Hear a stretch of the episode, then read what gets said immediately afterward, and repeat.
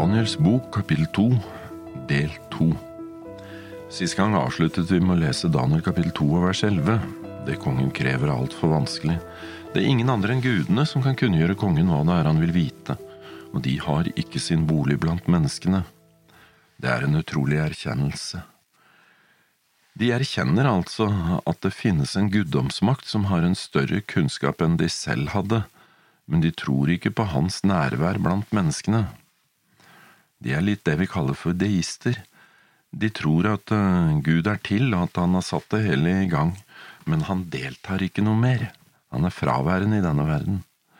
På tross av trolldom og okkult kunnskap åpenbarer de her at de er maktesløse. Dette sa de, de såkalte vise menn. Det er noe du skal merke deg her, og det er at det er en forskjell på den okkulte verden og på Guds verden. Legg merke til prinsippene i de to rikene. I Guds verden er Gud en Gud som åpenbarer seg, han meddeler seg, han kjenner fortiden og framtiden, ikke noe er skjult for han. I Amos kapittel 3 og vers 7 så står det, For Herren Herren gjør ikke noe uten at han har åpenbart sine skjulte råd for sine tjenere profetene. Legg også merke til hvordan åpenbaringen begynner. I åpenbaringsboken kapittel 1 og vers 1 så står det, Jesu Kristi åpenbaring, som Gud ga ham for at han skal vise sine tjenere det som snart skal skje. Han sendte bud ved sin engel og kunngjorde de tegn for sin tjener Johannes. Det er eh, Jesus sitt prinsipp. Han levde etter det da han var her. Da Jesus var i forhør hos ypperstepresten, spurte han Jesus om hans disipler og om hans lære. Du finner det i Johannes kapittel 18 fra vers 19. Jesus svarte ham, Jeg har talt fritt ut til all verden. Jeg har alltid lært i synagoger og i tempelet der alle jøder kommer sammen. I det skjulte har jeg ikke talt. Hvorfor spør du meg? Spør dem som har hørt meg om hva jeg har talt til dem. Se, de vet hva jeg har sagt. Minst tre ganger hadde Jesus sagt rett ut at menneskesønnen skulle korsfestes og oppstå. Det var ikke åpenbaringen til disiplene det var noe i veien med. Det var viljen deres til å ta til seg det som Jesus hadde åpenbart for dem. Mens hvis du ser på den okkulte verden, i den ondes verden altså, der er det det hemmelighetsfulle som rår. Satan leder mange til fall ved å bruke hemmelighetskremmeri, halve sannheter og mystikk. Har du lagt merke til hvordan eh, det er i media i dag? Det formelig koker av reportasjer om det mystiske, det overnaturlige. Åndemannerne de sier om gudene i vers 11 at de har ikke sin bolig blant dødelige mennesker. Bibelen åpenbarer det stikk motsatte. Johannes han sier i sitt evangelie, finner du i kapittel 1 fra vers 1, i begynnelsen var Ordet, og Ordet var hos Gud, og Ordet var Gud. Han var i begynnelsen hos Gud, alt er blitt til ved ham, og uten ham er det ikke noe blitt til. Det er jo Jesus han snakker om, og det ser du når du kommer ned til vers 14, for der står det og ordet ble kjød og tok bolig blant oss. Så Gud tok altså i Jesus sin bolig blant oss, for det er Jesus som er ordet som ble menneske, som er Immanuel, Gud med oss. Gud ønsker ikke bare å bo blant dødelige mennesker, han ønsker også på en måte å bo i mennesker. De vise i Babylon, de visste ikke noe om det. Gud i Jesus tok opp i seg vårt menneskelige og forente det med sitt guddommelige. Vi kaller jo det for inkarnasjonen. Han gjorde det for å gi oss del med ham. Den foreningen er essensiell i frelsesplanen, og Satan har gjort alt han kan for å ødelegge sannheten om den. Johannes forteller oss i første Johannesbrev kapittel fire vers to på dette skal dere kjenne Guds ånd, hver ånd som bekjenner at Jesus er Kristus, kommet i kjød, er av Gud. Hvor viktig den erkjennelsen er, kommer tydelig fram i Kolossensebrevet kapittel 1 vers 27, hvor Paulus sier at Kristus i dere er håpet om herlighet. Så Gud ønsker ikke bare å bo blant dødelige mennesker, han ønsker ved sin ånd å bo i mennesker. Jesus sier eh, selv i sin avskjedstale i Johannes kapittel 14 vers 23.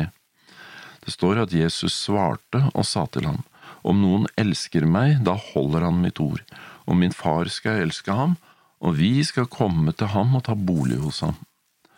Satans ånd benekter muligheten, Guds ånd viser oss muligheten. I andre Johannesbrev kapittel 1 og vers 7 så leser vi at for mange forførere er gått ut i verden som ikke bekjenner at Jesus er Kristus kommet i kjød. Dette er forføreren og antikrist. Det har alltid i denne jords historie vært en kamp mellom Gud og Satan. Gud har hele tiden brukt sannhet som sitt våpen, mens djevelen har brukt løgn. Siden det er sannheten Jesus står for, så opererer han i lyset, det er ikke noe som er skjult. I Johannes kapittel 14 vers 6 sier Jesus til ham, Jeg er veien, sannheten og livet, ingen kommer til Faderen uten ved meg. Men Satan opererer i det skjulte, det han står for, det tåler egentlig ikke dagens lys, for da blir han avslørt. I Johannes kapittel 8 vers 44 sier Jesus at dere har djevelen til far, og dere vil gjøre dere etter deres fars lyster. Han er en drapsmann fra begynnelsen og står ikke i sannheten, for det er ikke sannhet i ham. Når han taler, taler han løgn, han taler av sitt eget, for han er en løgner og løgnens far. De såkalte vise menn i Babylonia sto maktesløse overfor kongens befaling og på grunn av det så ble kongen veldig sint. Det står at han ble meget harm, og han befalte at alle Babels vise menn skulle drepes. De leter nå etter Daniel og vennene hans eh, også. Fra vers 14 så står det at Daniel vendte seg da med kloke og uforstandige ord til Arjok, høvdingen for kongens livvakt, som var dratt ut for å drepe Babels vise menn. Han tok til orde og spurte Arjok, kongens høvesmann, Hvorfor har kongen gitt denne strenge befalingen? Arjok fortalte så Daniel hvordan det hadde seg. Da gikk Daniel inn og ba kongen at hun ville gi ham en frist, så han kunne kunngjøre tydningen for kongen. Deretter gikk Daniel hjem og fortalte sine venner Hananya, Mishael og Asarya det som var hendt, for at de skulle be himmelens Gud at han i sin barmhjertighet ville åpenbare denne hemmeligheten, så ikke Daniel og hans venner skulle bli drept sammen med Babels vise menn. Daniel eh, viser her sin forstand. Istedenfor å gå til Ariok og si jeg vet, så stiller han spørsmålet om hvorfor kongen har gitt befalingen.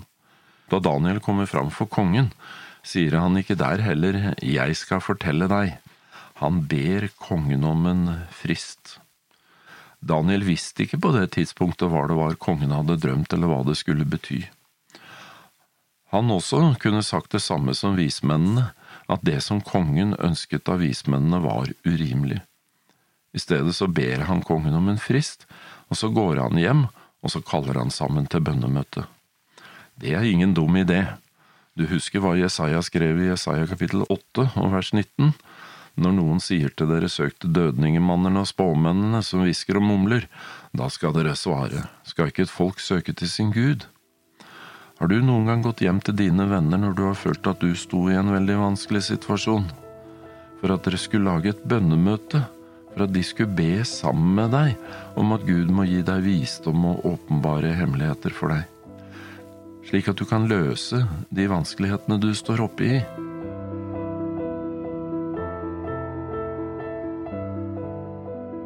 Neste gang skal vi se videre hvilket svar Gud gir Daniel.